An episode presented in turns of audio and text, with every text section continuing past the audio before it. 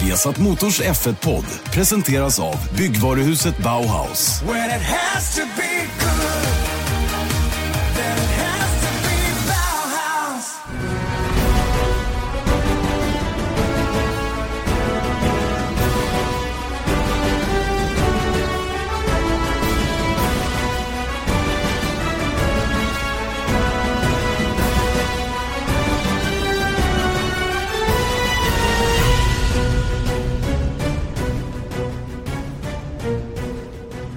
Jättevarmt välkomna till Formel 1-podden, den senaste upplagan. Formel 1-podden, Viasat Motors alltså med Janne Blomqvist och Erik Stenborg. Det är tisdag förmiddag när vi spelar in där efter Italiens Grand Prix. Eh, allt är bra hoppas jag med dig Erik. Det är jättebra. Apropå när du, när du säger tisdags förmiddag. Vi sitter hemma eh, på varsitt håll och har det bra, men jag kom precis när du sa det så eh, försökte jag ringa Eje i förmiddags, för jag skulle kolla någonting. Och eh, då fick jag bara ett sms om att så här, i Italien och kör lite F1. Hörs sen. Störigt. Och jag bara, det är ju en helt vanlig tisdag då med andra ord. Ja men eller hur, det finns ingen anledning att göra det mer komplicerat än man behöver. Bara köra Nej. lite Formel 1 en tisdag sådär, i sin egen ja. bil och ja du vet. Ja, På Fran visst, visst. Francia Corta är de för övrigt. Okej. Okay.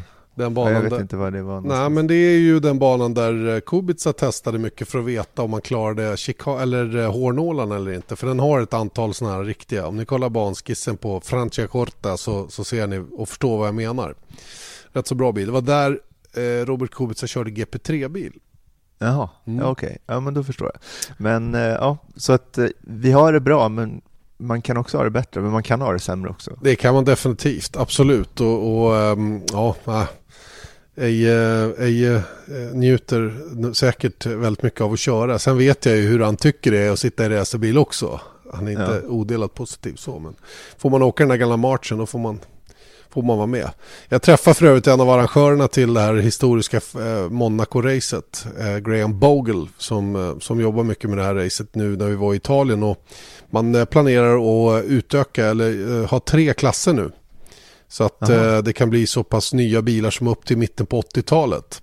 Det är ju coolt. Ja, men det tycker jag också. Det är klart att de behöver justera det där allt eftersom. Det är roligt att se de allra äldsta bilarna, men lite nyare bilar är ju också kul. Tänk att, tänk att se en bil från tidigt 90-tal vissla runt där i Monaco igen. Det, det vore ju rätt cool, måste jag säga.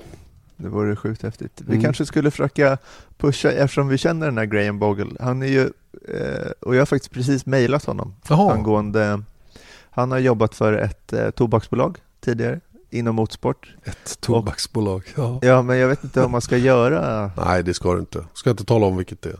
Nej, men någonstans kommer det göra det. Men ett tobaksbolaget som har, har ihop det med Ferrari, mm. nämligen. De, de, har han jobbat för tidigare och eh, eftersom det här tobaksbolaget har skrivit ett nytt kontrakt med Ferrari i veckan så tänkte jag till nästa vecka att vi ska försöka prata lite med honom om eh, det här tobaksbolagets inblandning. Just det. Dåtid, dåtidens Red Bull skulle man kunna kalla dem. Exakt. De var ju väldigt tydliga med, med sin, eh, sin exponering och, och, att man hade ett World Championship team och det var, det var väldigt, väldigt tydligt. Och det, jag skulle säga att de är ganska exakt så som Red Bull är idag. Kanske de jobbar på lite olika sätt men eh, det, det påminner väldigt mycket om varandra. Mm. Ja, men jag tänkte det kunde vara väldigt kul att höra honom, för han har vi har ju käkat middag med honom ett antal gånger och mm. han har ganska, han, är en ganska torr engelsman men han har ju grymma historier alltså. jo, jag fick några stycken till livs här i, i, eh, i helgen så att eh, ja, han är, det är en toppengubbe, verkligen. Men tänk om man skulle göra så här, Janne. Till näst, det är nästa år han kör va? Historik. Ja, nästa år, nästa år. Att försöka få in dig så att du, kanske inte en Formel 1-bil, men att du får köra, uppleva att köra på racerbanan i Monaco. Mm. Ja, nej, så gör vi ett reportage om det. Jag tackar nej. ja, jag också, jag, jag har ja. faktiskt annat för mig. Ja, du, vet, du kan säkert inte göra det, för det brukar gå på samma helg som Spanien. Det är samma helg den här gången också. Är det? Men, det, men jag är ledig, jag kan göra mig ledig. Du kan göra, du kan göra. Nej, jag, nej, men jag hade inte velat i alla fall. Så att, nej, nej, jag förstår. Ja. Hörru, skämt åsido, det hade ju varit en dröm, givetvis. Eh, ingen tvekan om Saab. Ni förstår själva att jag har en bra redaktör, eller hur? Som mm. kommer på den här typen av idéer. Då, då fattar man att man har bra folk runt omkring sig. Och det handlar ju också om att redaktören då tar smulorna sen när, när de trillar över på när Janne inte vill ha dem längre så, eller kanske inte kan. Så. Då skjuter jag över dem på din tallrik. Mm, exakt. ja, ja, nu har vi kliat varandra på ryggen här. Eh, du, ska vi vara lite seriösa och allvarliga också och titta till det som hände senast då, nämligen Italiens Grand Prix som eh, blev en stor succé på många sätt, inte minst för Mercedes som eh, eh, verkligen körde skjortan av allt motstånd oavsett väderlek dessutom. De var, de var allt för starka för att någon, eh, någon skulle rå på dem.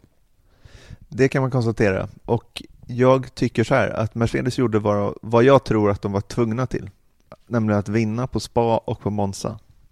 Eller hur? Ja, men Förstår det, du vad jag är på väg? Ja, jag, jag, jag känner direkt tennismetaforerna komma här. Att de har haft två stycken servegame här nu. Som, och servegame i tennis, det ska man ju vinna.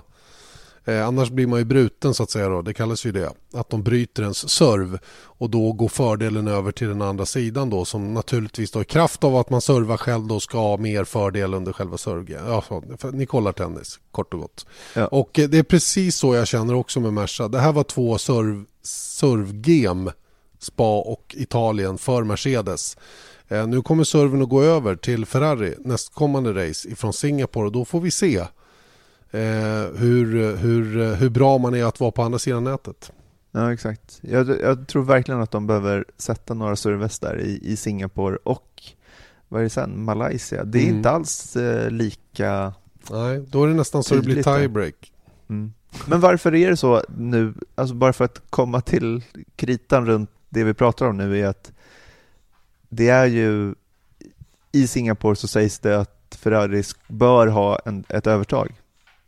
Och varför är det så? Ja men vi, det har vi väl berört så många gånger förut att eh, det är den här korta hjulbasen som är någonting som faktiskt har gjort skillnad eh, under säsongen tycker jag. Eh, eh, där, där de lite trängre banorna, inte så snabba banorna har varit mer åt Ferraris håll. Och eh, det får man väl anta att den trenden håller i sig även när vi kommer till Singapore. En bana med över 25, jag tror det är 25 kurvor, 23 kurvor eller något sånt. Den är nästan 6 km lång, en stadsbana. Det kränger och svänger hela tiden. Du behöver ha en bil som är lätt att byta riktning med och som, som du får god känsla i så att säga på det sättet då. Eh, och det bör passa Ferrari som dessutom har en, en tradition av att klara lite högre temperaturer bättre än Mercedes. Eh, vilket det också kommer att bli både i Singapore och Malaysia faktiskt. Och Ferrari slog ju under de här riktigt stora åren i, i, i toppen när Mercedes dominerade totalt så var det ju faktiskt bara Ferrari som lyckades vinna över Mercedes och det skedde just i Malaysia. Så att det är lite serve-game för Ferrari de här två kommande tävlingarna ändå trots allt. Eh, och det är ju det som kommer att bli nyckeln, att vinna sina servegame. För den gången man blir bruten, det vill säga skulle Mercedes gå och vinna i typ Singapore Mm. och, eh, och Vettel bör- tappar fler poäng där. Det kan bli sånt som avgör i slutändan tror jag. Ja. För ja, det, kan, det... kan falla över åt det ena eller andra hållet. Ja, det var verkligen så. Och sen så. Men om man tittar då på, på Monza, Mm. Ferraris hemmaplan. Vettel var alltså på tredje plats, vilket var väl så bra han kunde hoppas. Det såg man ju redan på fredagen, tycker jag. Mm. Eh, men Du- han var tr- 36 sekunder bakom in i mål. Ja, Och, då- och detta är det räkna fem, av... Ja, förlåt. ja, men i det, här, det här var alltså det femte snabbaste racet någonsin i F1. Och då undrar jag, så här, hur går det till? De var ju så nära på spa.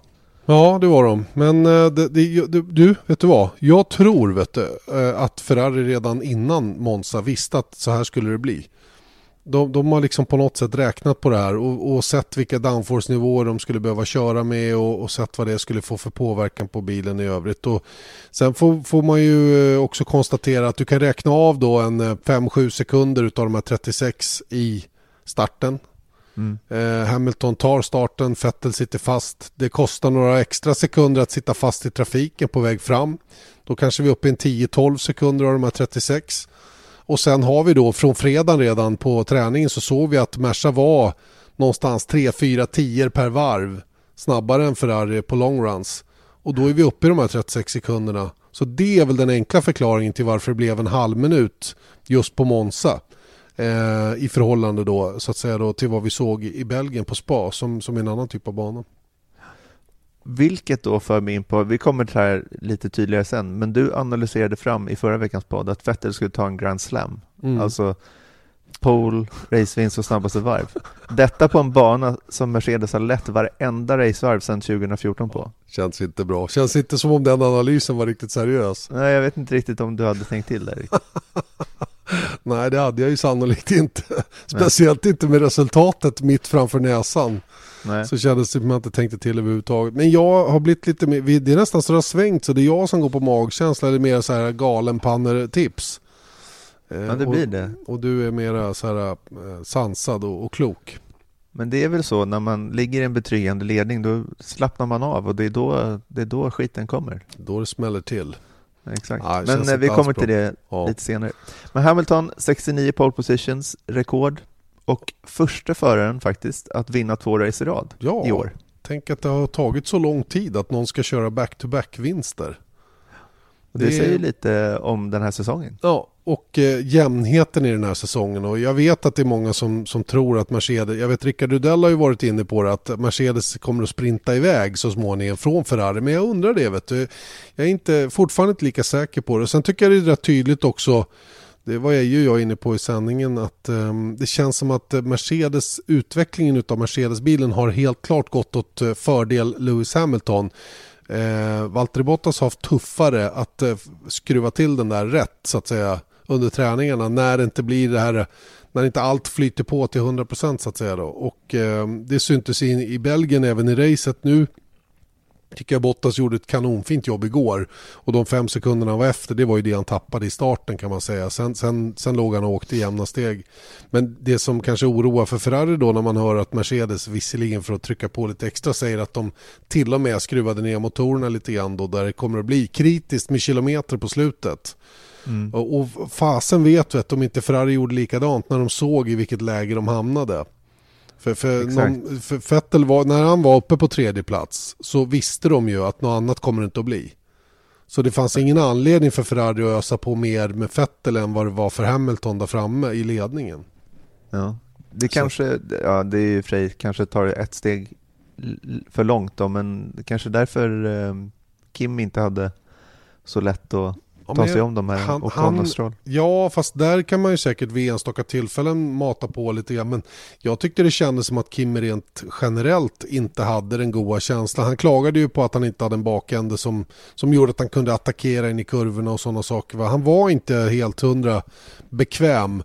Och det blev ju en, eh, det blev ju sig en torr fredag som borde ha lett till någonting. Men, men Eh, lördagen blev lite stökig och startpositionerna blev långt ifrån perfekta då med vad blev de, femma och sexa eh, till slut då när de skulle ge sig iväg. Och det där, ja, jag vet inte. Det, det såg helt enkelt inte bra ut för Ferrari. Men jag tror som sagt att då, vi andra kanske hade högre förväntningar på Ferrari än vad de själva hade.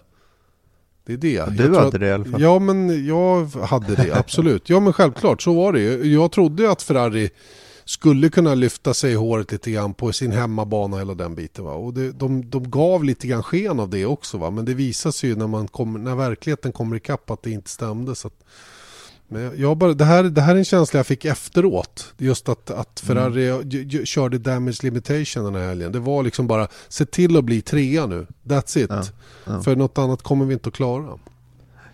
Nej, det stämmer säkert. Men då ja. börjar jag tänka på, för det är någonting som jag funderat på under helgen. Eh, apropå att Bottas, nu kom han ju tvåa, men jag menar, det kändes lite som att hans titelaspirationer eh, gick hål på i, redan på spa, tycker jag. Ja. Eh, med ta tanke på hur mycket han tappade där. Eh, och apropå, det har vi pratat om många gånger också, om att han ska liksom steppa upp nu och hjälpa Hamilton. Samtidigt så tycker jag så här, tänk om nu var det så att Mercedes hade råd att göra det på den tiden, men 14, 15, 16. Om Mercedes inte hade tillåtit Hamilton och Rosberg tävla mot varandra, då tror jag nästan att Formel 1 hade dött. Nej men alltså, tänk vad, vad det hade gjort mot intresset. Mm. Ja, intressant fråga. Intressant fråga just uh just, eh, just detta. Att eh, det var viktigt för, för oss som kollar att, att Mercedes lät det bli lite fight i alla fall.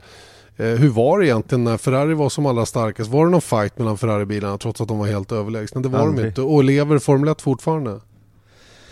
Ja, det mm. gör det. Mm. Men samtidigt så, jag menar, på något sätt så var ju det så sjukt mycket starkare sett mot andra sporter också. Jag tänker liksom det var tidigt på sociala medier fanns inte på den tiden och Schumacher var enormt stor och liksom det, det var andra förutsättningar då tror jag. Mm, mm. Ja, nej, men du har säkert rätt. Jag bara, jag bara drar parallellen.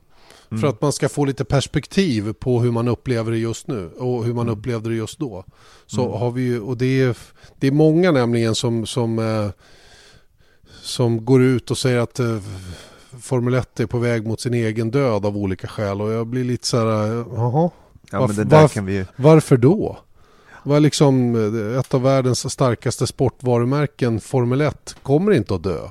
Det kommer Nej. inte att dö på långa vägar. Det kommer eh, att ha sina fluktuationer. Så har det ju alltid varit såklart. Va? Och även den här gången. Och just nu är man ju på väg upp och då landar vi på någonting väldigt, väldigt intressant. Jag vet inte om vi ska komma in på det redan eller om vi ska fortsätta gå igenom racet där. Vi har, vi har glidit iväg lite grann från, ja. Eh, från prestationerna Men, på banan. Vi kan väl fortsätta tycker jag. För då, om vi kör Ricciardo tycker jag ändå är sjukt värd att nämna. Magisk från 16 startposition till, till 4 och bara 4 sekunder från Fettels tredje plats. Mm. Där har du en kille med god racecraft.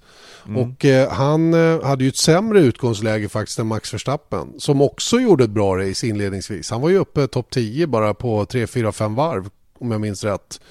Eh, och var med och högg på positionerna. Men sen blev han lite för ivrig, tog en för stor chans, en punktering och sen var det godnatt och läng längre bak igen. Eh, Ricardo däremot eh, jobbade sig på ett annat sätt framåt genom fältet eh, och eh, jag tycker omkörningen av Kimi Räikkönen måste lyftas fram. Mm. Den, var, den, var, den har vi sett tidigare från honom just till Monza. Där han kommer från väldigt långt bak. Jag tror att det var förra året faktiskt han gjorde ja, en liknande grej. På Williams. Ja. Han bara, bara, han bara, han bara ambush dem. Eller vad lägger sig i bakhåll. Eller vad kallas det på svenska. Han bara kommer från ingenstans. Eh, och den där omkörningen den gör du inte på vem som helst. Nej. Eh, du måste nästan veta vem du gör den på och du måste våga lita på det. Jag tror att det var Bottas då om det var Williams förra året. Kan det stämma det? Nej, jag tror att det var ja, och då, då, då är det ju av en tillfällighet två stycken finländare då som man har lurat, lurat lite grann då får man väl säga.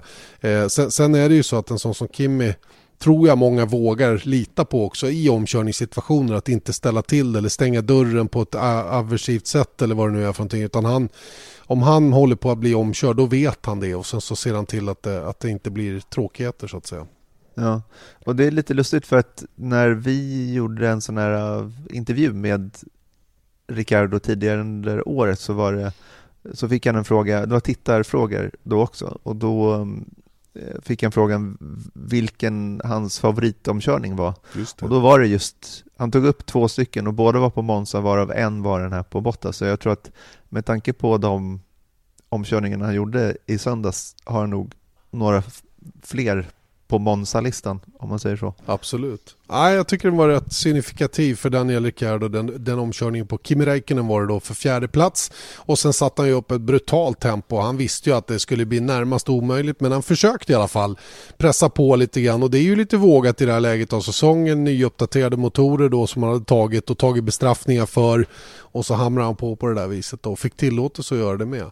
Eh, men eh, sevärt var det i vilket fall som helst. Han kommer ner i fyra sekunders lucka som du sa då, upp till Fettel innan han mer, han gav ju upp såklart för att han visste att han inte skulle räcka till varven. Det var inte tillräckligt mm. många kvar där på slutet. Men han blev driver of the day och eh, han hyllades av oss i sändningen väldigt mycket. Han ska ha hyllningar för de här grejerna. Och jag, Ja, man blir ju lite integrerad att se honom i till exempel en Ferrari eller Mercedes just nu. Vad hade han kunnat åstadkomma? En svaghet har han haft i år det är ju kvalen. Han är inte lika snabb som Max Verstappen över ett varv just nu, så som det har varit i år. Och, eh, men han kompenserar det med marginal genom att eh, se till att komma i mål. Och eh, lägger vi det då eh, på Max Verstappen så har ju han haft en väldig massa DNF på grund av tekniska problem och har många gånger då varit i ett bättre läge än, än, än Ricardo. Så att han hade säkert kunnat haft mycket, mycket mer poäng och så. Men, men han är lite för tuff emellanåt och tror jag får betala priset av att han är lite frustrerad. Vad tror du? Ja, han är som, som Ricardo sa i sin Instagram-film som vi spelade upp i podden förra veckan. Han är ung och aggressiv. Han är otålig.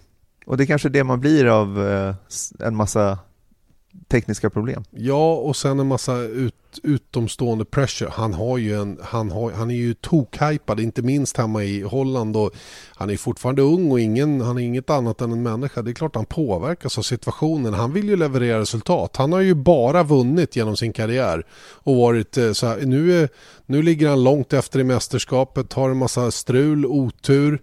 Eh, den här incidenten senast och så vidare. Va? Det, det, det, det flyter inte på helt enkelt. Och det här kanske är första gången i hans karriär som det är på det viset. Mm. Ja, och framförallt det som du säger där med eh, när han ser eh, föra VM och mm. ser var Ricciardo är någonstans. Exakt, exakt. Och det, det där är ju visst, alla vet ju att merparten av de tappade poängen beror ju på saker utanför Max Verstappens påverkan. Men oavsett det så, så är det surt att få riktigt mycket stryk av sin teamkamrat, för det får han i år. Ja, och han gav sin teamkamrat stryk i Ungern till exempel. Det är väl ett bevis på att han eh, är lite otålig. Alltså då tänker jag på i kurva två där efter start mm, att mm. han liksom understyr rakt in i Ricardo så att Ricardo får bryta och då tog inte Ricardo några poäng medans och ändå så har han 50% av eh, Ricardos poängskörd. Poängskörd ja. Mm. Ja, nej, men det är väl eh, helt klart så att det behöver hända någonting där på flera fronter. Förstappen behöver samla ihop sig lite grann, men framförallt behöver ju Renault få lite ordning på grejerna då när det gäller Förstappens maskin. Ehm, sen hade vi resten av fältet, resten av fält. Vi ska ju tycker jag lyfta fram de båda ungdomarna Stroll och Ocon. Båda gjorde fantastiskt fina kval, framförallt gav de fina starka startpositioner, två och trea. Stroll den yngste att starta i första led i, genom historien så här långt. Eh, nu var det Ocon som vann den interna fighten mellan ungdomarna. Det var inte för att Stroll inte hade pace, det var för att Eh, det var för att Williams gjorde ett eh, lite risigt depåstopp faktiskt som kostade några extra sekunder. Annars hade Stroll nog åtminstone haft möjligheten att vara framför. Eh, men Ocon och Stroll gjorde bägge två ett jättestarkt jobb och var bägge två före sina äldre teamkamrater som inte heller ska räknas bort men de gjorde mer en, en, en förväntad insats tycker jag i, mm. i söndagsrace. Och det var ju tack vare startpositionerna och jag vill inte förta deras liksom, prestationer att starta så högt upp. Men det var ju omständigheter också. Om man tittar på Hamilton var ju galet stark i pole position för han tog pole position över en sekund. Samtidigt så är det ju, jag säger inte att jag menar, i regn kanske man behöver ännu mera talang eller, och liksom självförtroende och allt vad det är. Men det ställer ju till saker och ting. Och sen så massor av eh, grid penalties som mm. gjorde att de flyttades upp till ja. andra och tredje plats. Självklart va, och, och, ser du på resultatet som det blev så saknar vi egentligen bara förstappen utav de som normalt sett är topp 6. Mm. Och det hade ju sin förklaring i punkteringen då. Så att, jag menar de hamnade på förväntade startpositioner. Vad jag försöker säga är att både Stroll och Con gjorde så pass starka insatser på lördagen att det gav dem möjligheten till det här på söndagen att vara ändå bäst av resten så att säga då som Ocon då eh, till slut blev och Lance Stroll där, där bägge två kunde liksom peta bort sina äldre kollegor för en gångs skull då, för det har inte hänt många gånger den här säsongen. Nej, verkligen inte. Och som sagt, jag tycker att det var jag menar, det spelar ingen roll hur man tar en startposition eller hur man kvalar. Så länge man gör det så är det toppen, för det säger någonting. Men samtidigt, de hade inte startat två och tre hade det varit torrt och vanliga förutsättningar så att säga. Nej, men de hade fortfarande kunnat blivit sexa, sjua, förstår du?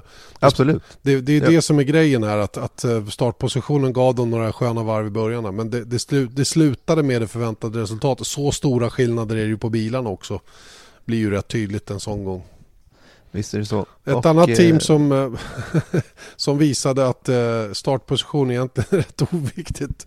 Det är ju Sauber då. För det var ju, det var ju miserabelt att se dem faktiskt. De är ju, det var ju det här, snacka om att, att Merca haft två servegame här nu i Belgien och, och Italien. Um, Sauber de har spelat badminton eh, på tennisplanen känns det som ja. i två ja. helger nu. Det är ju, de är totalt chanslösa på den här typen av banor och det, fi, det, finns liksom inget att hämta. Och nu tror jag att det börjar bli lite så här äh, kritiskt för att hålla motivationen uppe inom teamet också. Vi, det är sju race kvar, det är en tredjedel av säsongen. Mm. Och man får ju så ordentligt med stryk hela tiden. och det kvittar vad de hänger på eh, i form av nya grejer på chassit så händer ju inte speciellt mycket. Det är ju fortfarande motorn som är den stora akilleshälen. Och visst, vi kommer till, till banor som de kan se bättre ut på. Men nu gäller det verkligen att orka hålla, hålla, hålla motivationen här ända till slutet på den här säsongen för att sen se fram emot en ny start 2018. Ja, men om man tänker på de här poäng, det kommer ju bli jag skulle säga att jag är 99% säker på att ingen av de förarna kommer ta poäng igen i år. Nej, nej, nej. Om inget galet händer. Nej, och grejen är att, jag menar, vet för om man tittar på hur, hur, hur, många som kommer i mål nu, nu, nu kommer ju, nu är vi i det läget under säsongen när tillförlitligheten har liksom ordnat till sig och, och allt vad det är. Och sen så, som sagt, det här var ju värsta, tänk att starta 11. Jag menar, det, det, det var ju stort, men inte ens vi kunde ens dra på det i, i, i våra sändningar för att det var ju liksom så här, ja, kvalar man fyra sekunder bakom liksom så... Jag tror, var, jag tror det tog sju varv så var de sist. Ja, sju varv från elfte och mm. tolfte. Mm, mm. Ja, nej men, nej, men där måste man ju vara realist. Och, och Marcus hade ingen fart överhuvudtaget i bilen just den här söndagen och eh, dessutom blev han lite påkörd av, eller det varit kontakt dem emellan ska jag säga, när, när Värland då i sin frustration över att vara snabbare än Marcus ändå inte lyckades ta sig förbi förrän till slut. Och vid ett av de här försöken så var de ihop lite grann och, och golvet på Marcus bil gick sönder. Men, men som han själv sa till mig Marcus, att det var inte det utan det, jag hade ingen fart i bilen bara kort och gott. Det, det räckte liksom inte just den här dagen och det får man ju också acceptera på något sätt. Mm. Nej, men det tycker jag, det, och det är liksom det, det, uppskattar jag verkligen med Marcus Eriksson som förare, att varenda gång han ställer sig framför våra, eller efter, framför någon mikrofon, och då upplever jag honom att han är en av få som är verkligt ärliga med mm. Mm.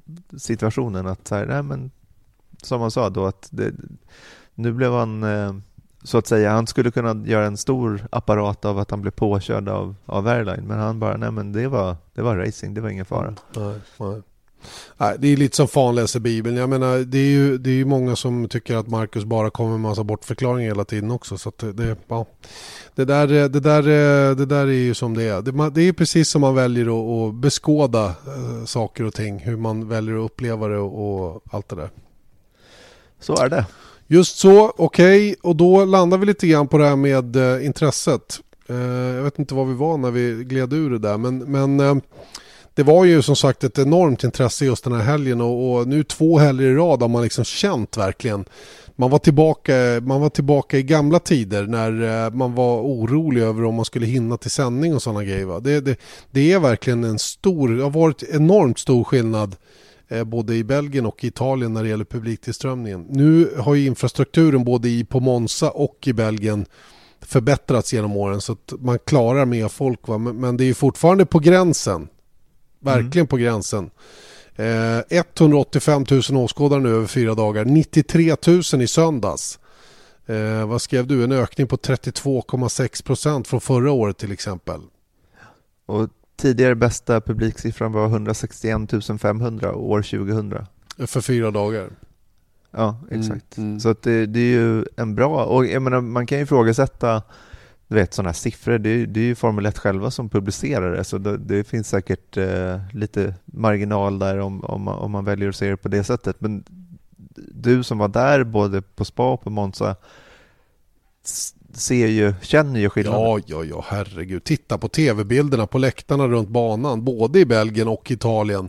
Det är ju knökfullt verkligen och eh, det är stor, stor skillnad. Och, eh, jag vet inte om man har justerat biljettpriser eller något. Det vet väl de som betalar för att gå på Formel 1. Men, men det kändes inte som de har gått eh, liksom, mot ytterligheter där heller. Utan man, eh, man, eh, det är helt enkelt så att det drar mer nu. Jag vet inte om det är de nya bilarna eller att mästerskapet är tajtare och sådana saker. Men många bestämmer sig för att åka på Formel 1, inte på dagen eller inte baserat på resultat utan många gör ju det långt i förväg. Så att, jag undrar, visst självklart att Ferrari går bra i år borde spela roll för att det är mycket folk i, i, i Italien men i Belgien så de 80-90 000 holländarna kom ju trots att Max Verstappen inte levererar riktigt de resultat som de hade hoppats på. Så det är någonting som gör att intresset har stigit igen och att suget efter Formel 1 finns efter ett många år när det inte har varit så. Ja, men jag kan bara gå på min egen känsla att jag, jag känner ju mycket mer för den här säsongen än vad jag gjort sen åtminstone ja, ja men åtminstone sen turboeran kom igång när man märkte att Mercedes var så överlägsna. Att det är någonting speciellt med att ha två stycken och två stora bilmärken som tävlar mot varandra näck i näck. Det är tre poängs skillnad. Jag menar, det är klart att mitt intresse är högre också trots att jag jobbar med det. Mm. Visst är det så. Det här med intresset är intressant för att eh, nu när vi var i, på Monza här eh, senaste helgen så var det faktiskt ett år sedan Liberty Media tog över Formel 1. I stort sett i alla fall. Och eh, det har ju varit en ganska omvälvande process. Eh, den stora frågan är vad Liberty Media då har åstadkommit under det här året som de nu har skött sporten. Eh, vi kan ju se en del saker i alla fall, det ser man rätt tydligt. Men för att gå lite på djupet på det här så tog vi ju eh, kontakt och, och fick en liten pratstund med våran, eh, våran poli, vårt political animal i depån, Dieter Renken som normalt skriver för Autosport bland annat och, och eh, vad kallas han på Twitter? Racing Lines va? Racing Lines. Mm, Racing Lines om du vill följa honom där. Han är väldigt, väldigt, väldigt kunnig eh, i paddocken och eh, har mycket synpunkter om det här. Så att vi tog och frågade just om det här. Eh, vad, vad har Liberty Media egentligen gjort under det här året som de nu har regerat? Well, effectively, let's just have a look at what did happen. It was actually at Spa uh, just over a year ago that the rumours came through. Then it was here in Monza a year ago that it was confirmed that they had put in a bid. And it was during this week, uh, this coming week, a year ago, that it was then confirmed that the sale would go ahead. Uh, it took them about three months to complete the transaction, which happened in January. It was at that stage that they, as we say in English, booted Bernie Eccleston upstairs, so that Bernie became uh, Chairman Emeritus, uh, which is a very, very vague title. And although we saw Bernie a few times, we haven't actually seen him since since uh, Austria, the Spielberg circuit. And of course, since then, we haven't seen Bernie. Uh, behind the scenes, one has to question what has actually happened in the last year. And uh, frankly, the answer is very little. This doesn't mean that there hasn't been some activity, but nothing has really fed through. Yes, we have the fan zone. Yes, we get lists about what celebrities there are. But the basic structure of Formula One hasn't changed, uh, be it financial, be it regulatory, whatever. I mean, we still have um, the top four teams earning big amounts of money regardless of performance. We have the other teams battling for the scraps. We have a governance process where, again, the big four teams have got most of the input. The other teams can now attend the meetings, but they can't actually provide any direct input. So, in real terms, nothing much has actually changed. And um, are you sort of surprised that uh, that is the case? Well, I'm not surprised. I'm disappointed. Am I surprised? No, because Formula One is a big lumbering ship, and this is the big problem that you can't just turn it around, do a, do a U-turn. But I would have hoped that there'd be more uh, more change. I mean, we know that, for example, uh, the fans are paying massive amounts of money for tickets. Uh, that hasn't changed. Uh, the pay per view uh, television subscriptions are still very, very expensive for certain income groups. If Formula One wants to attract eyeballs, and let's not forget the ratings have dropped from something like 700 million to 400 million over the last five or six years, and that's a massive drop. Now, you know, if, if we'd like to reverse that, we need to make the sport more accessible, more affordable, and above more, uh, above all, more exciting. So, um, is it reasonable to think that uh, just in 12 months' time all that could be achieved? I doubt whether we'll see much more change. I think what we will have is a lot more um, announcement with substance, where they'll say, well, this is the direction we'll go. But let's not forget that Formula One is locked into these contracts that go through to the end of 2020. And these can't be changed unless all parties agree. And again, we have to ask ourselves why would Mercedes or Ferrari or Red Bull or McLaren voluntarily accept less money? Equally, why would the uh, why would Liberty, for example, voluntarily accept less race hosting fees so that the promoters can make the tickets more affordable? This is the, the big conundrum. And and how do you see any solution to the problem? Well, I think first of all, let's just have a look at where the major issues lie. On the one side, we have uh, race promoters paying an enormous amount of money for a race. For example, I believe that um, in Baku they're paying 50 or even 55 million dollars per race. Um, now, obviously, they'd like to reduce that, particularly when they can only attract 25 odd thousand spectators. So they need to do something at that at that end. Equally, some of the television broadcasters are paying enormous amounts of money they would like to reduce. They're facing competition. Formula One is facing competition from other sports.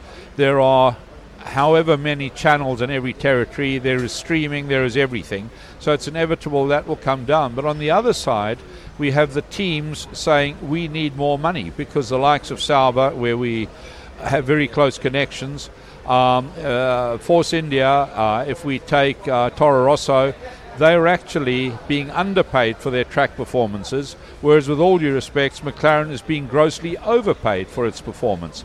But again, this contract is in place. So now the only way to balance that out is to pay the teams at the bottom end from um, the, the independent teams, as we call them, to pay them on a performance. Botox Cosmetic, out of botulinum toxin A, FDA approved for over 20 years. So, talk to your specialist to see if Botox Cosmetic is right for you.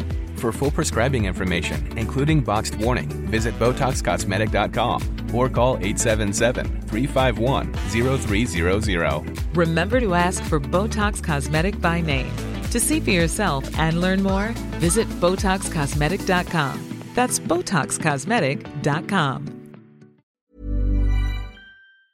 performance basis, an equitable performance basis, and reduce the payouts to the top teams. How do you manage that? By introducing a cost cap. Now, this opens another can of worms because effectively, if you introduce cost cap, you're actually saying to Mercedes, for example, that you can no longer develop 100 floors to go and uh, put them through your wind tunnel. Uh, you can only develop three because that's the amount of money you're going to have available. Well, the chances are that they could just get beaten by Force India because Force India for a long time have been performing miracles on very low budgets. Would Mercedes leave if they were consistently beaten by a customer team like Force India? I, I think we could certainly consider that to be a possibility. Uh, equally, Ferrari. Would Ferrari be happy to finish fourth or fifth behind customer teams, like, for example, Sauber? Again, I think they'd relook at this. And let's not forget that the, the big issue here is in order to de- decide the rules going forward, the teams that would be most hit are the ones that take that decision. And turkeys don't vote for Christmas. So it seems like there is a, a huge catch 22 here, which is very hard to get out of, sort of. Um, it is very difficult to get out of. It is almost a catch 22. There is a way out, and that is literally to enforce some form of budget cap, run the risk that Mercedes and Ferrari may leave. Maybe they'll say, no, we're prepared to take up the challenge, we're prepared to go ahead. We'll accept a budget cap of, let's say, 150 million, which I believe is a figure that's being discussed at the moment. 150 million dollars, excluding driver salaries, excluding executive salaries, excluding engines, and excluding marketing costs. If we take that figure of 150 million, it means that Mercedes would have to reduce their actual race budget uh, by probably 150 to 200 million dollars. Ferrari, about the same. Uh, Red Bull probably by about 100. Uh, McLaren probably by between 50 and 100. Um, the headcounts would have to come down in the case of Mercedes from 1,000 down to 500. That's 500 people that would have to be laid off. And that's a tragic situation. But if not, Formula One actually faces a very dark tunnel. Um, and equally a Ferrari. So, um, in the near future, what, what is possible to do then? Well, I think what we should see and could see happening over the next three to four years till the end of 2020, which is when these contracts expire, is have a glide path coming down. So instead of saying to one of the bigger teams, well, you've got to reduce your headcount from 1,000 to 500 overnight, which is impossible. I mean, the cost implications, the human cost, will be enormous. Is that what they should do is say, right, um, at the end of 2018, you come down to X, 2019 Y, 2020 Z, and then from 2021, everybody is on this budget cap of, let's say, about 150. Like a step, sort of. Well, yeah, what we call a glide path. So Yeah, it's yeah. yeah, or a step, Yeah, an annual step. Yep. So, uh, could another way to to get the costs to come down to to only allow the teams to have a certain amount of parts brought to the races over a year instead of saying this amount of money you can use? Well, this is something that we already have. For example, they can't bring spare cars. They're restricted in terms of the number of parts that they can that they can buy out and what they have to design themselves. There are already enormous restrictions. We have headcount restrictions on the number of people at races during a weekend, which is the same whether you're Force India or Mercedes. Um, there are restrictions on wind tunnel hours. There are restrictions on, on CFD, um, computational fluid dynamics. There are restrictions all over the place. They all run the same tyres, for example. Um, engine costs have got a cap on them already. Uh, the number of races you can do per engine is capped, per gearbox is capped, and yet we still have these runaway budgets, which is absolutely ridiculous. And then uh, how how do we sort of get those budgets down? Uh, not only by letting people go. I mean, you're talking about 100 floors for Mercedes over a season. Maybe they're only allowed to use 20. Of course, but if you reduce the number of people, you reduce the number of man hours available to design this floor if you reduce the number of CFD hours uh, or, or uh, computer data capacity, wind tunnel hours, then again you're reducing the uh, the potential to do, for example, 100 floors or whatever the case may be. So um, we must assume anyway that the, the, the owners, the Liberty Media, knows the the problems they're facing. Um, do you think that they see a solution? Well, I think they have to see a solution because, as I said, if uh, we have a continuation of the trend of promoters and television broadcasters paying less or not renewing. I mean, we've already seen Malaysia not renew. Silverstone has given notice. If we see a continuation of this trend, obviously the income will reduce. On the other side, the teams are standing before the EU, and I mean, Sauber is one of the teams that did uh, join with Force India to go to the EU, and that process is continuing. So um, ultimately, on the one side, you're going to have reduced income, and on the other side, increased expenditure. Formula One is already carrying a massive debt. So, under the circumstances, unless they do something, as I said, they're staring at a very, very dark tunnel. So, do you see any light at the end of the tunnel? Or? Absolutely. But let's hope it's not a train coming towards us. um, but jokes aside, I think that they, they are um, astute enough commercially to realize this. They have Ross Brawn on board, who, as we know, is a, a brilliant racing manager. He's fully aware of this, um, and I think that, that Ross is best placed to advise and guide them. And I think that Formula One has got to take the approach that you can't make an omelette without cracking some eggs. And they have to take the risk that just maybe a Mercedes or a Ferrari may leave. But let's hope that the process is such that the, the, the some teams can come in at the bottom. And the value of the platform Formula One for Mercedes, Ferrari, or the big teams um, must mean something for them to, to stay on, even if the, the, the circumstances change. Of course, and I think there are two ways of looking at this. The first one is that obviously the rewards for winning are such that Mercedes are prepared to throw some, or collectively with their sponsors and partners, are prepared to collectively throw 400 or 450 million dollars at it. Because believe me, if it wasn't worth it, the board would say no.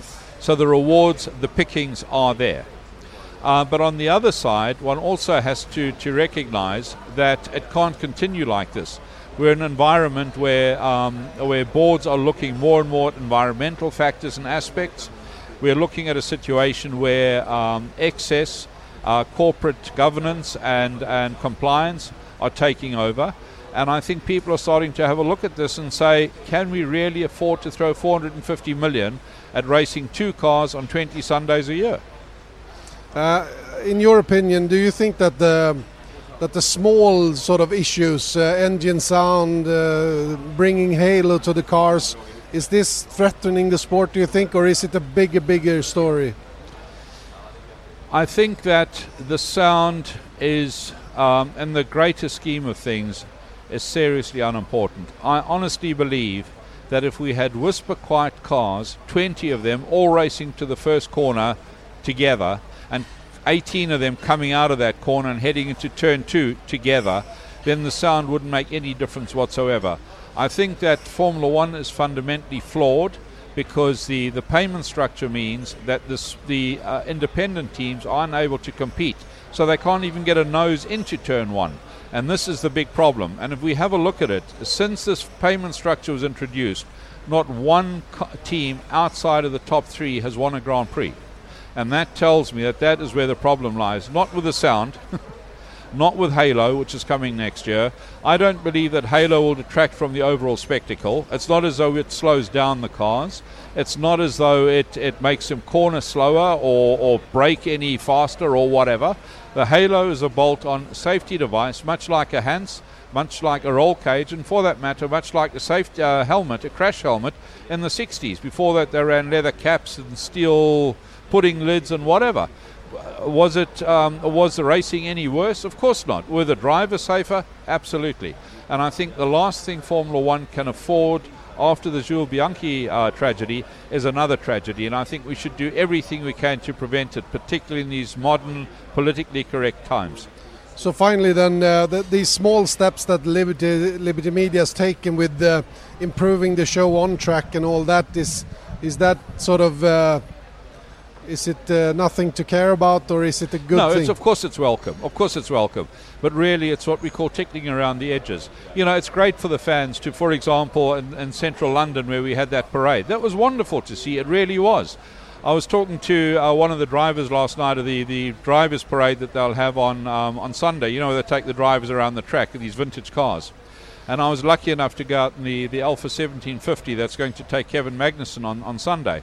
And they had a parade through Milan on Thursday night. And the promoter of this parade said that when they first spoke about it, they said, right, we want to take these cars, drivers, through uh, central Milan.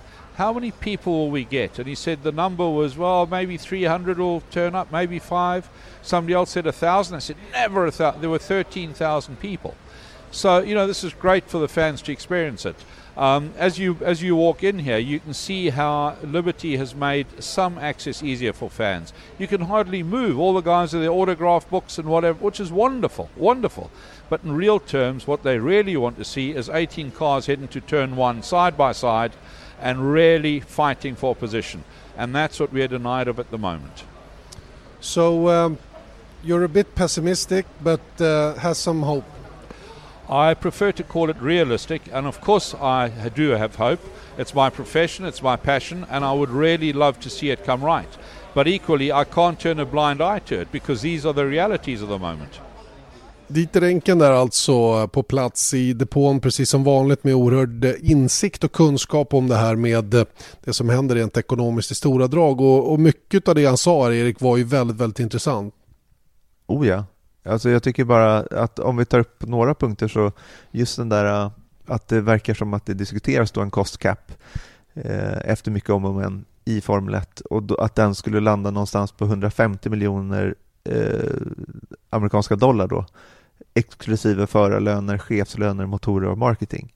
Vilket då skulle betyda att man minskar racebudgeten för eh, till exempel Ferrari och Mercedes med 150 till 200 miljoner US-dollar ganska stor eh, ja, det, är, det, det, är en jätteförändring såklart som, som får stor påverkan på de här företagen då, för det är det de är, deras, deras förmåga att, att jobba på den nivå där de är idag. Och, eh, ja, men jag vet väl, jag, jag stod och funderade lite och jag ställde ju frågan också till, till Dieter Enken här huruvida det huruvida då eh, det är bättre att sätta ett tak på hur mycket pengar man får spendera eller om det är bättre att sätta ett tak på hur mycket man får använda. Eh, idag, men då, då kontrar jag an och säger att det, vi har redan en massa restriktioner på motorer, på växel och bla bla bla. Och, och eh, då kommer vi kanske i den där fällan som Formel 1 mm. har hamnat i idag. Den här bestraffningsfällan. För det är ju det. Eh, det finns ju inget sätt idag att kontrollera att man inte överanvänder grejerna på, av kostnadsskäl. Och eh, idag är då det ett bestraffningssystem som då drabbar föraren då i första hand. Teamet, ja visst det är ju inte roligt att de, men det är ju föraren då som syns och som är den som drabbas av de här bestraffningarna. Och säger man då att ja men ni får använda fyra golv, ni får ta fram fyra golv, eller fyra golvversioner kanske man ska säga mm. under en säsong. Så kan man begränsa. Eller du får använda tre versioner på framvingar. En low, en mid, en high downforce variant. Den ska visas eh, senast i ja, typ som Le Mans har. De har väl ett, ett high downforce och ett low downforce aeropaket på bilarna. That's it. Mm.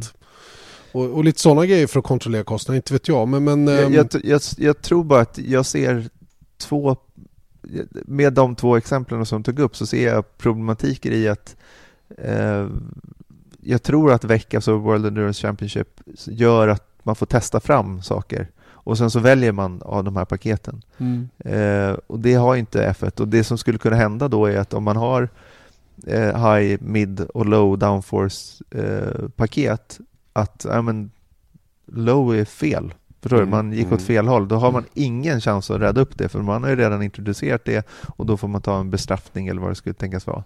Eh, och sen så, vad var det andra? Jo, just det, att man skulle ta fram olika golv till exempel. Det, det här är ju bara exempel. Jag ja, pratade, när jag pratade high, low och mid downforce, det var framvingen enbart.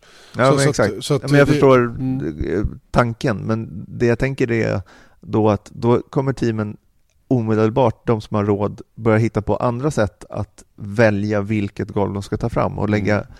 lika mycket pengar på CFD eller vad det nu skulle tänkas vara, även om de har restrictions för hur mycket CFD man får använda. Men jag tror att det blir otydligare. Att jag tror att jag köper hans resonemang i att jag tror att det han föreslår eller det som han presenterar skulle kanske kunna vara det mest enkla. Att om man säger så här, nej men ni får lägga 150 miljoner USD och sen får man liksom jobba med dem inom den ramen. Mm. Jag menar, om man tittar på NHL till exempel, vi har tagit upp det exemplet tidigare. Om man ser eh, ett NHL-lag eller ett amerikanskt fotbollslag eller vad det nu kan tänkas vara som har cost caps på löner.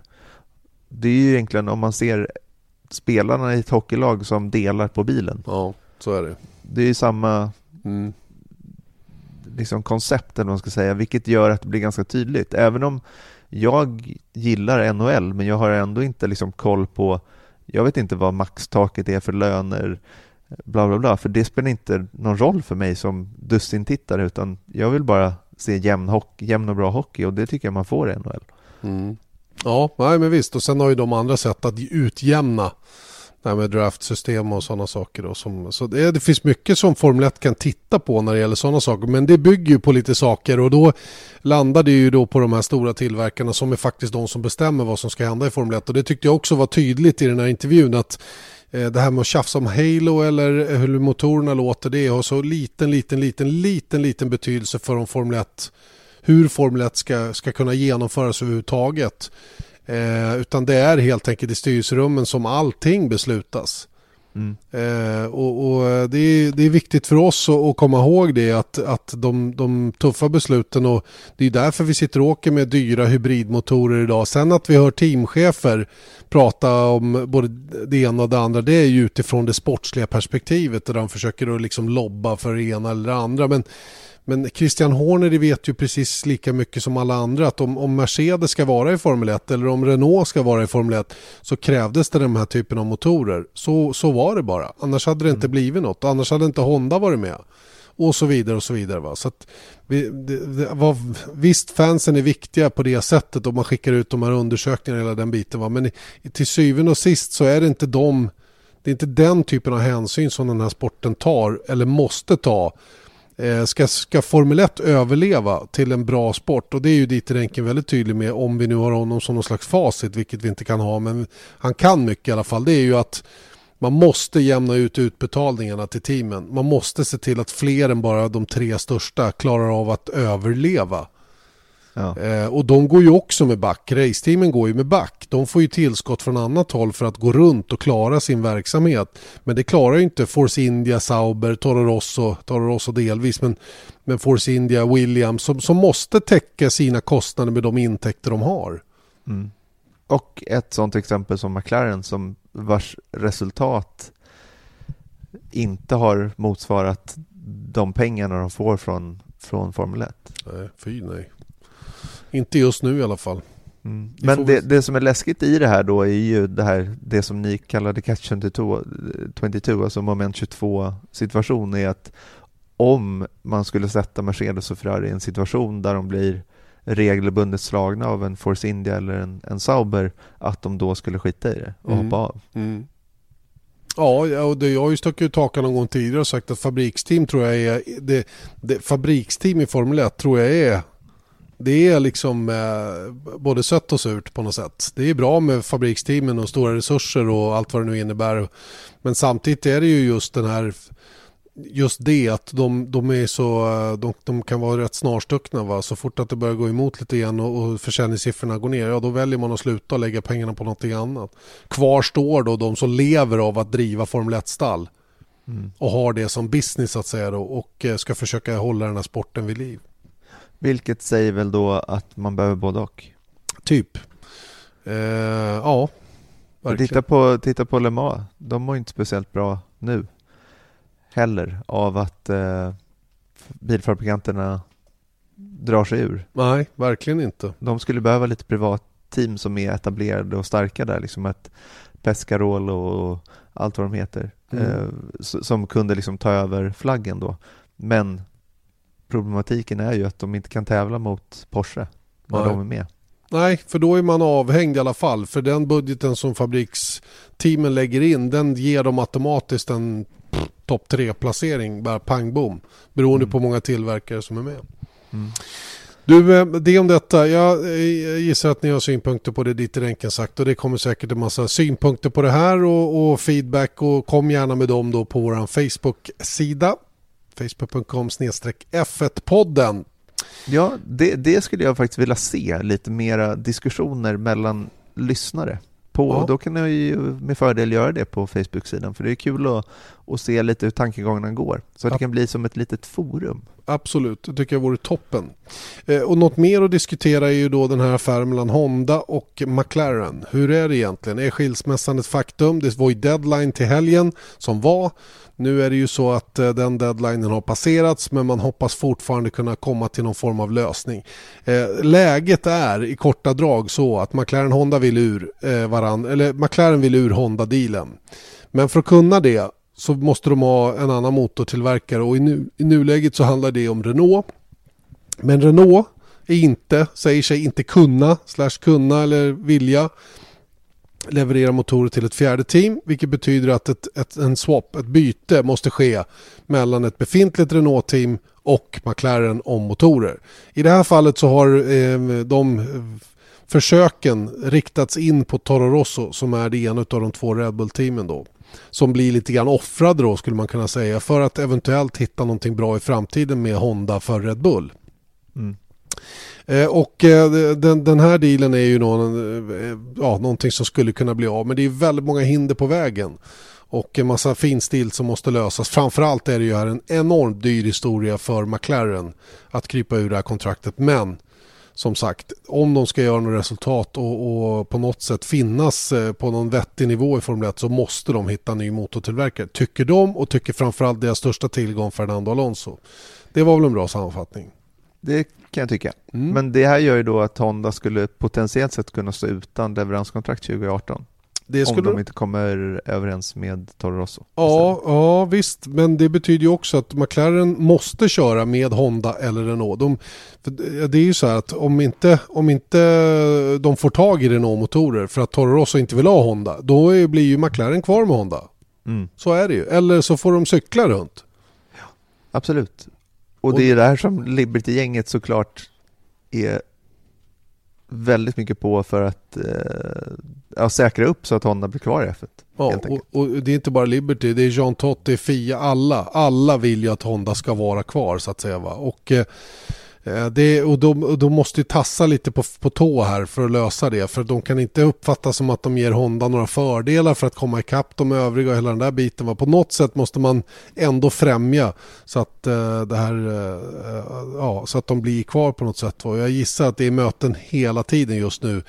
Fia med McLaren, med Honda, med Renault, med Toro. Alla vill försöka hjälpa till och lägga det här pusslet så att det verkligen blir någonting. Och jag tror eh, som sagt att Alonsos möjligheter att, att köra i Formel 1 överhuvudtaget handlar ju om huruvida McLaren kan få Renault-motorer eller inte.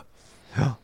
Och det kanske, jag tänker bara om man, tar, om man vrider och vänder på det här lite grann, att det är säkert enorma pengar i omlopp här. För vi vet ju vad, att det, det sägs att 100 miljoner dollar från Honda till McLaren för att McLaren kör med Honda-motorer per år mm. och de betalar hela Alonsos lön och allting sånt där. De pengarna då, det är ju inte så att de försvinner utan ska de hamna då i Red Bull-familjen någonstans eller hur, hur ska det liksom disponeras om? Ja, fast det är inte så säkert att de får exakt ett så sockrat Nej. kontrakt, eh, Toro Rosso med Honda. Men det som, det som det belyser tycker jag, det är ju hur mycket det kommer att kosta för McLaren att hoppa av Honda.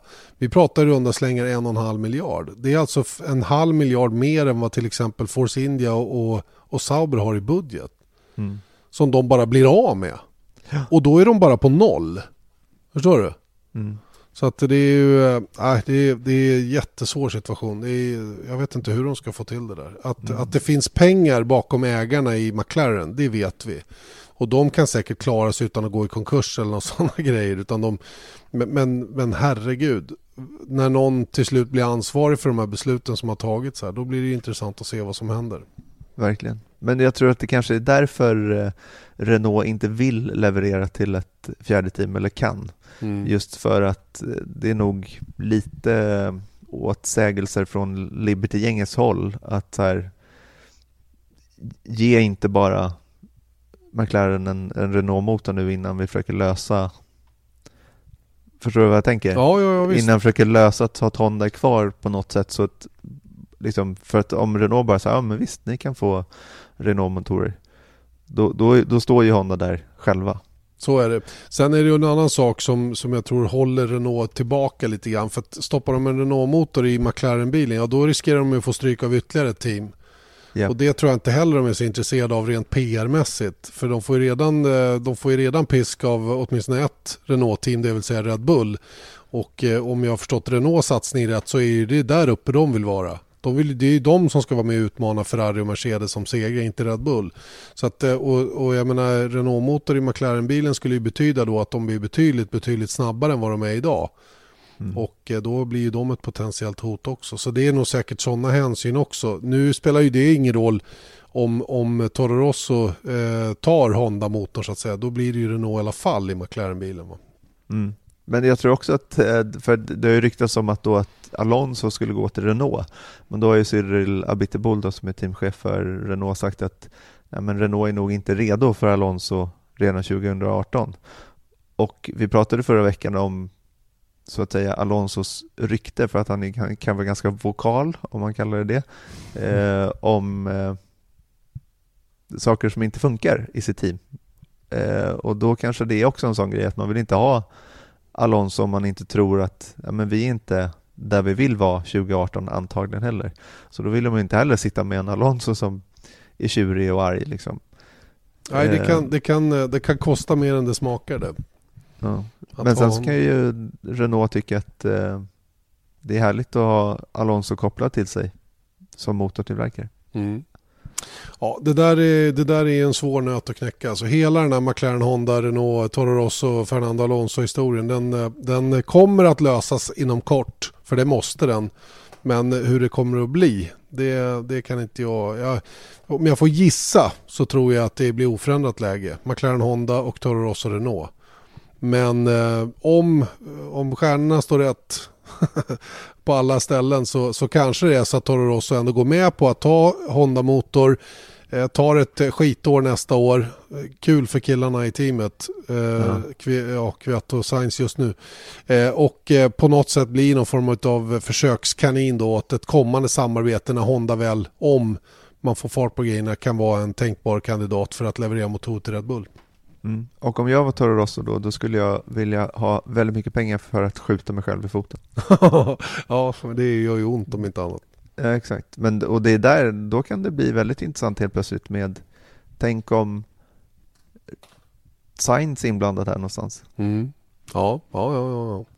Det leder mig in lite grann på, jag mötte en portugisisk journalist när jag åkte hem igår från Italien och han sa det Prepare for shock announcement sa han. Jaha, vad då? Ja, ah, men en pleasant surprise. Det är någon förare som eh, vi trodde skulle hända si och så med som det kommer att hända si och så med istället. Jaha, är det Alonso? sa jag. då. Nej, det är inte Alonso. Det kan ha att göra med Alonso men det, det, är, inte, det är inte han. Okej. Wow. Mm. Men vad kan det vara? Nej, jag har ingen aning. Ingen aning. Det där, och dessutom han, eh, han surrar ju rätt mycket i vanliga fall. Så att han kanske surrade extra mycket den här gången. Men han är hyfsat väl informerad faktiskt. Det är en, många gånger en bra källa in i depån att, att, eh, lyssna till den här gossen. Som, eh, Eh, han, han smyger runt lite grann. Men han, får, han fantiserar en del också. Vill McLaren ha två spanjorer i sitt team? Tror jag. Kanske. Eller byter en spanjor mot en annan. Jag vet inte. Nej, jag, du, låt mig inte spekulera vidare i det. För jag, jag kan inte riktigt. Han, han kallar det för en pleasant surprise och så riktar han till mig. Jag började genast säga Marcus Eriksson, vad ska han göra? Det är något sånt liksom. Ja. Men eh, ja, nej, jag har inte hört någonting och vet inget mer. Så att, eh, vi får se vad som händer. Det blir väl någonting, alltså som sagt, det, det känns som att den här uh, beslutet har varit på tröskeln i flera månader nu, men nu är det ju faktiskt, Nu är det deadline. nu, nu får de ju skynda sig lite här. Ja, ja, visst är det så. Eh, skynda sig måste man göra när man kör racerbil, eller hur? Man Ja. måste vara först i mål och man kan göra det över kortare eller längre tid. Vi pratade lite långlopp här, eh, LMP1 och, eh, och allt vad det nu är, Le Mans.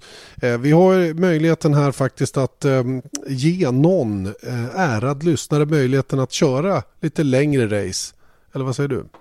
Ja, det är nämligen så att den 5 oktober har vi blivit inbjudna av Bolin Racing som huserar på Gelleråsen i Karlskoga och drivs av eh, Lennart Bolin eh, som är en riktig gammal racerräv som faktiskt är Sveriges enda världsmästare i banracing. Det är hur coolt som helst. Nej, det visste jag inte. Det är hur coolt som helst ju. Mm. Men där kan man hur som helst bli racerförare för en dag, som de kallar det, och få köra racepreparerade Volvo C30 i ett så här tre timmars race. Och man kan läsa mer om det här på bolinracing.se. Och det är hur kul- som helst, vi har gjort det här tidigare. Ja, och vi har ju, det är superroligt, verkligen. Det är det. Och de har en egen serie som man kan anmäla sig till, eh, till exempel.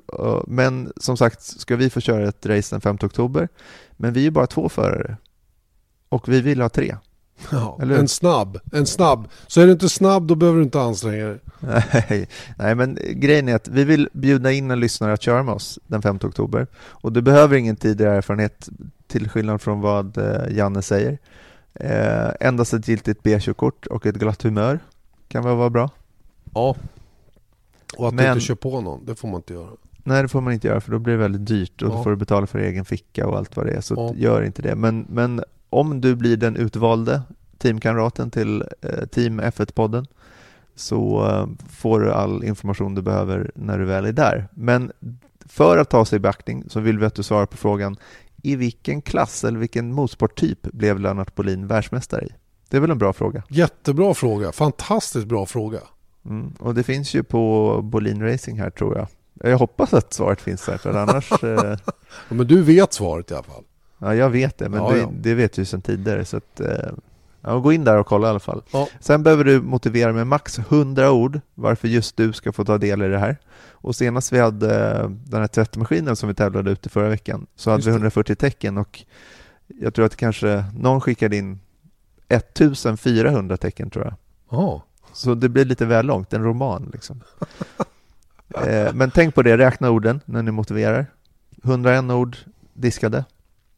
Och skicka in detta som ett meddelande till F1-poddens Facebook-sida. Så väljer vi ut en person på måndagen den 18 september. Om två För att, veckor. köra, ja, för att köra tre timmars race med F1-podden. Cool. Det är riktigt cool. Ja, Mm. det där kommer bli hur fränt som helst. Det, jag ser redan fram emot det. Jag ser fram Jag, emot det. jag ska åka otroligt tjuvträna faktiskt eh, bara om någon vecka. Va? Ja, visst.